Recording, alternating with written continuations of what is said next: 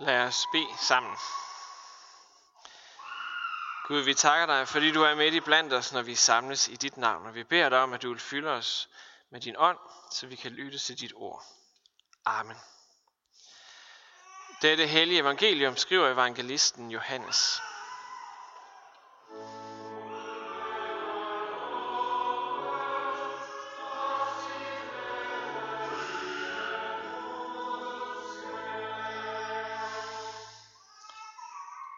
Der var et menneske, en af farisæerne, ved navn Nikodemus, medlem af jødernes råd. Han kom til Jesus om natten og sagde til ham, Rabbi, vi ved, at du er en lærer, der er kommet fra Gud. For ingen kan gøre de tegn, du gør, uden at Gud er med ham. Jesus svarede ham, Sandelig, sandelig siger jeg dig, den, der ikke bliver født på ny, kan ikke se Guds rige. Nikodemus sagde til ham, Hvordan kan et menneske fødes, når det er gammelt? Det kan da ikke for anden gang komme ind i sin mors liv og fødes. Jesus svarede, Sandelig, sandelig siger jeg dig, den der ikke bliver født af vand og ånd, kan ikke komme ind i Guds rige. Det, der er født af kødet, er kød, og det, der er født af ånden, er ånd. Du skal ikke undre dig over, at jeg sagde til dig, i må fødes på ny. Vinden blæser, hvorhen den vil, og du hører den suse, men du ved ikke, hvor den kommer fra, og hvor den far hen. Sådan er det med en vær, som er født af ånden. Nikodemus spurgte ham, hvordan kan det gå til? Jesus svarede, du er lærer i Israel og forstår ikke det. Sandelig, sandelig siger jeg dig. Vi taler om det, vi ved, og vi vidner om det, vi har set. Men I tager ikke imod vort vidnesbyrd. Tror I ikke, når jeg har talt til jer om det jordiske? Hvordan skal I så tro, når jeg taler til jer om det himmelske? Ingen er steget op til himlen, undtagen den, der er steg, der steg ned fra himlen, menneskesønnen. Og ligesom Moses ophøjede slangen i ørkenen, sådan skal menneskesønnen ophøjes, for at enhver, som tror, skal have evigt liv i ham. Amen. Som jeg sagde til indledning, så starter vi i dag på det, man kan kalde for anden halvdel af kirkeåret.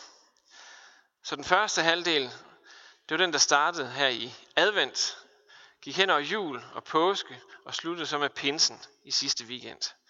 Og nu har vi så anden halvdel, man kan næsten kalde det den lidt kedelige halvdel af kirkeåret, hvor der ikke rigtig sker andet end de her Trinitatis søndage, som kommer nu her. Som vi altså starter med i dag. Man kan kalde det lidt for kirkeårets Sankt Hans, det vi går ind i, eller det vi har i dag. Øh, og før kom der noget, øh, lidt ligesom Sankt Hans, hvor, nej, lidt ligesom et halvår før Sankt Hans, hvor solen kom mere og mere. Øh, det bliver lysere og lysere, og det bliver varmere og varmere. Så kommer Sankt Hans, og derefter forsvinder solen lige så stille igen. Og i hvert fald sådan efterhånden bliver det koldere og koldere, indtil vi så når jul. Men de to halvår hænger sammen det ene kan ligesom ikke være uden det andet. Der er noget geometri i vores verdensrum, der sådan gør, at det her fungerer, som det nu gør. Og lidt på samme måde er der også noget i den bibelske historie, som gør, at det giver mening, at vi dedikerer et halvår først til de her beretninger om Jesus, om hans fødsel, om klimakset på hans liv, kan man sige, i påsken, hvor han dør for vores synd, og han opstår for at overvinde døden. Og så slutter det altså med, at han forlader verden igen, Kristi Himmelfartsdag, og Helligånden kommer i pinsen. Så det første halvår handler rigtig meget om, hvem er Jesus? Og hvad kom han for at gøre? Hvem er Jesus, og hvad kom han for at gøre? Den anden halvdel her, der kan man sige, at spørgsmålet er mere, men når Jesus så var den han nu var, hvem er menigheden så? Og hvad sender Gud den til at gøre? Hvem er menigheden? Og hvad sender Gud den til at gøre? Og de tekster, som kommer, som vi skal være sammen om i det her halvår, er meget sådan nogle øh, undervisningstekster, som Jesus har. Det er lignelser, det er forskellige tekster fra bjergeparken osv. osv. Tekster, som har fokus på, hvordan vi bliver i stand til at leve som en ægte øh, menighed, som er et vidnesbyrd om Jesus. Og man kan sige, at når det sådan er fokuset, så kan vores tanker sikkert nemt henledes på alt det, vi skal gøre. Når hvis vi skal være menighed, så må vi række ud til de svage, til de syge, til dem, der ikke har det så godt, til dem, der har brug for hjælp, osv. osv. osv. Vi må ud, vi må fortælle om Jesus, vi må ud til mennesker. Eller man kan tænke, når man hvis vi er menighed, så må vi opføre os sådan og sådan og sådan. Ha' den her bestemte etik, fordi det er sådan Gud har lært os, at det er godt at leve. Eller man kan diskutere, når, når vi er menighed, så må vi holde nogle gudstjenester, vi må mødes, og så skal det gerne være på den her måde, og på den her måde, og på den her måde. Fordi det er det mest rigtige at gøre.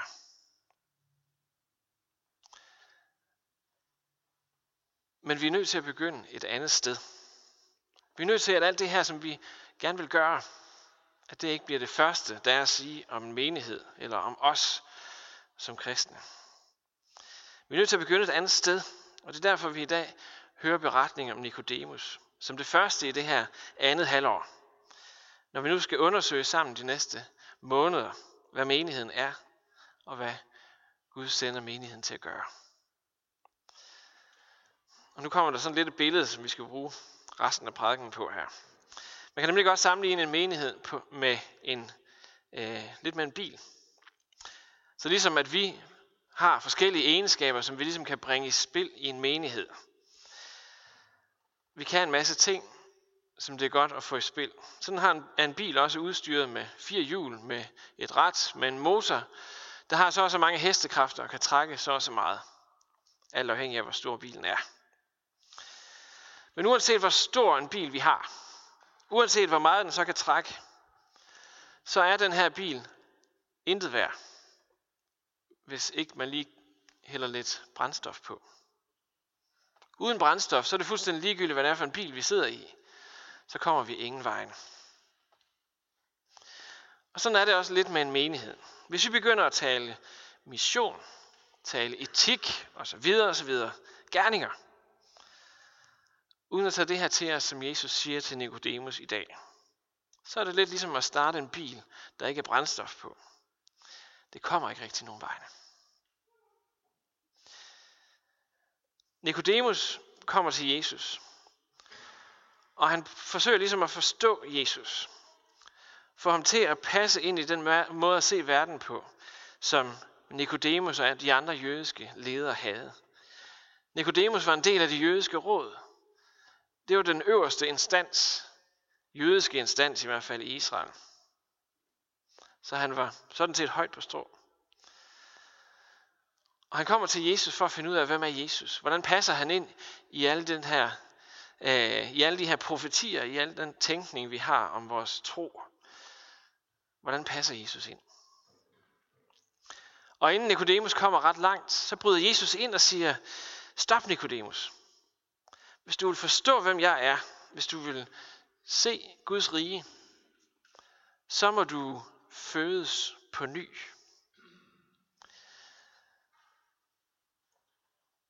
Hvis du vil se Guds rige, hvis du vil forstå, hvem jeg er, så må du fødes på ny. Du er nødt til at blive født på ny af vand og ånd. Sådan Jesus siger. Og det er her, vi er nødt til at begynde. Det der med at blive født på ny af vand og ånd. Det er der, vi er nødt til at begynde, når vi skal spørge os selv, eller spørge Bibelen, eller spørge Gud, hvem er menigheden? Og hvad sender Gud den til at gøre? For det er som om Nikodemus forsøger at proppe Jesus ind i et trosystem, som han og de andre i det her råd havde. i sådan en gammel folkevognsrubrød, kan man sige, som de kørte rundt i. Men Jesus siger til ham, hvis du vil forstå, hvem jeg er, og hvad det Guds rige er, som jeg kommer med, så er du nødt til at skifte folkevognsrugbrødet ud. Du er nødt til at have en ny bil, et nyt trosystem. Sæt nogle nye briller foran dine øjne, og se tilværelsen med. Du er nødt til at blive født på ny. Måske har I regnet det ud, hvad det betyder, det her med at blive født på ny. Vi har oplevet det i dag. For dåben er genfødsel. Det er her, vi bliver født på ny. Det er der, det sker som Jesus taler om i dag. I sted taler Paulus om dåben på den her måde. Jeg beklager, at det bliver lidt makaber nu, for jeg der lige har oplevet dåben. Paulus siger, at når vi bliver døbt, så bliver vi korsfæstet sammen med Jesus. Intet mindre. Når vi bliver døbt, så er der noget i os, der dør. Alt det, der står Gud imod. Men vi får samtidig lov til at opstå sammen med Jesus igen. Opstå til et nyt liv. Til en ny verden. Opstå ind i et fællesskab med Gud. Så vi bliver korsfæstet, og vi opstår sammen med Jesus i dåben. I dåben bliver vi et nyt menneske. Vi får del i det opstandelsesliv, som Jesus skaffede os, da han opstod påskemorgen og overvandt døden. Så hvis vi skal være menighed, så må vi fødes på ny af vand i dåben. Og vi må modtage det nye liv, som Jesus rækker os. Hvis vi skal gøre, hvad Gud sender os til at gøre som menighed, så må vi først tage imod det liv, som Gud giver os og giver os i dåben. Det må komme først, det er at tage imod det Gud rækker os. Så nu har vi bilen, kan man sige, vi skal køre i. Så mangler vi bare det her brændstof, jeg talte om før. Og brændstoffet, det er Helligånden. For Jesus sagde jo ikke bare, at vi skulle fødes på ny af vand, men af vand og ånd. Så i dåben flytter Helligånden ind i vores indre. Vi får ikke bare skænket et nyt liv en gang, men Helligånden flytter ind i os, så det nye liv, det sådan set begynder allerede nu i den her verden. Og man kan sige, at det betyder, det at Helligånden bor i os. At Gud i sandhed er nær ved os altid, når vi tror på ham. Og det er derfor, jeg kalder Helligånden for vores brændstof. For hvis nu vi i egen kraft begynder at gøre alt det, som Gud sender sin menighed til at gøre, så kører det hele skævt hen ad vejen. Så bliver det, vi gør til gerninger, vi gør over for Gud. Gør for at vinde hans gunst. Gør for, at Gud skal synes godt om mig. Gør for, at jeg skal bestå den eksamen, Gud nu har en gang til mig, så jeg kan få lov til at få det evige liv. Så bliver kirken til et præstationsfællesskab, ligesom vi ser i så mange andre sammenhænge. Så kører det skævt, vi brænder ud. Vi begynder at tro, ligesom Jesus siger i en lignelse, at Gud er en hård Gud, der samler, hvor han ikke har spredt. Men Gud er ikke vores chef, der skal bedømme, om vi har gjort det godt nok. Han er ikke vores lærer, der skal give os en eller anden karakter på et tidspunkt. Nej, han flytter ind i os. Ind i vores indre. Han bor i os ved sin helligånd. Han taler til vores indre, og han giver os kraften til at gøre det, som Gud sender sin menighed til at gøre. Det betyder, at når vi arbejder, når vi gør noget, så arbejder vi altid med Gud. Eller rettere, kunne man sige, det gode, som vi gør, det er, det virkelig, det er virkelig en helgen, der gør det. For det er ham, der er brændstoffet. Det er ham, der sætter os i stand til at gøre det, som Gud sender sin menighed til at gøre. Det er Helligånden, der er brændstoffet, ikke os selv. For Helligånden bor i os. Så når vi i dag skal begynde at gå til gudstjeneste med det her spørgsmål sådan ringende for vores ører, hvem er menigheden, og hvad sender Gud den til at gøre? Så må vi se, at først og fremmest, før noget som helst andet, så er menigheden dem, der er født på ny af vand og ånd. Det er dem, Helligånden har taget bolig i. For der skal det rigtige brændstof på, før vi kan gøre en masse. Så det første og det vigtigste, der er at sige om menigheden, er aldrig nogensinde, hvad den gør. Det er aldrig, hvad den er udad til. Selvom vi tit fokuserer på det. Men det er det faktisk ikke. Det vigtigste, der er at sige om menighed, og om os, der er i den, det er, at Helligånden er flyttet ind. Det er, at vi er født på ny af vand og ånd. Det er, at vi har modtaget det, som Gud rækker os.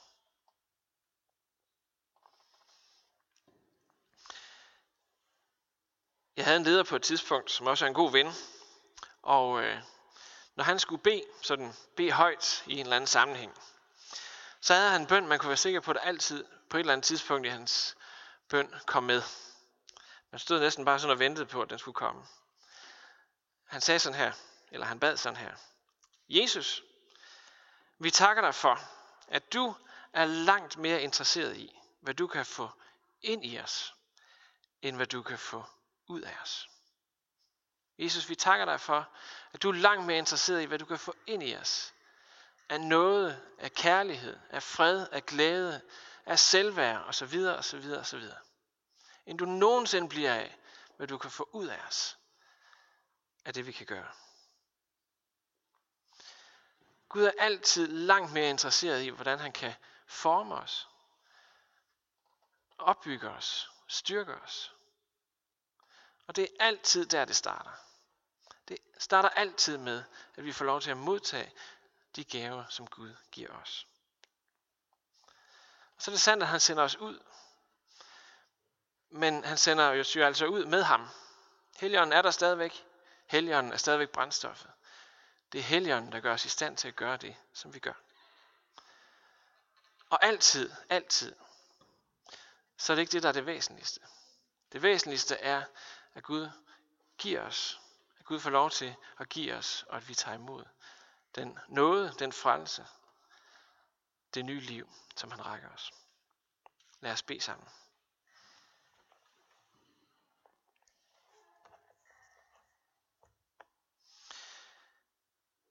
Jesus, vi takker dig for, at du er langt mere interesseret i, hvad du kan få ind i os, end hvad du kan få ud af os. Jesus, tak fordi, at du døde og opstod for os, og tak fordi du rækker os det evige liv, det nye liv, det liv, som du har til os. Og vi beder om, at vi må få lov til at fordele i det. Vi beder om, at du hver eneste dag må drage os ind i fællesskabet med dig. At du vil forme os i det indre. At du vil tale til vores hjerter om den kærlighed, som du har til os.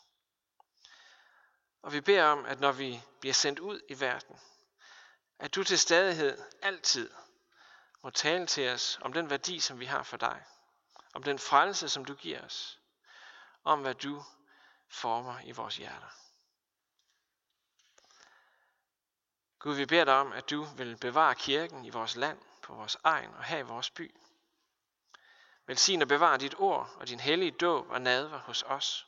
Og lad din ånd fylde os, når vi samles i dit navn. Gør os som er dit lame på jorden til et levende vidnesbyrd om dig. Og lad dit rige bryde frem i blandt os med retfærdighed, fred og glæde. Vi beder for menighedsrådet, de ansatte og de frivillige i vores sovn. Vi beder for det arbejde, der udgår herfra, om at du vil velsigne det og gøre dit rige stort i blandt os. Vi beder for familierne her i vores by. Lad din kærlighed bygge trygge familier op for børnene her. Vær med skoler og institutioner og velsign også deres formende arbejde. Vi beder for dem, der sørger, dem, der kæmper med sygdom, med ensomhed eller afhængighed. Vi beder dig at give trøst og styrke og være nær i nødens stund. Velsign og bevare vort folk og vort land, men med politikere og øvrighed, og led dem af dine veje. Velsign vor dronning Margrethe og hele hendes hus, og giv os alle din nåde, fred og velsignelse, og lad os samles til slut med dig i dit rige. Amen.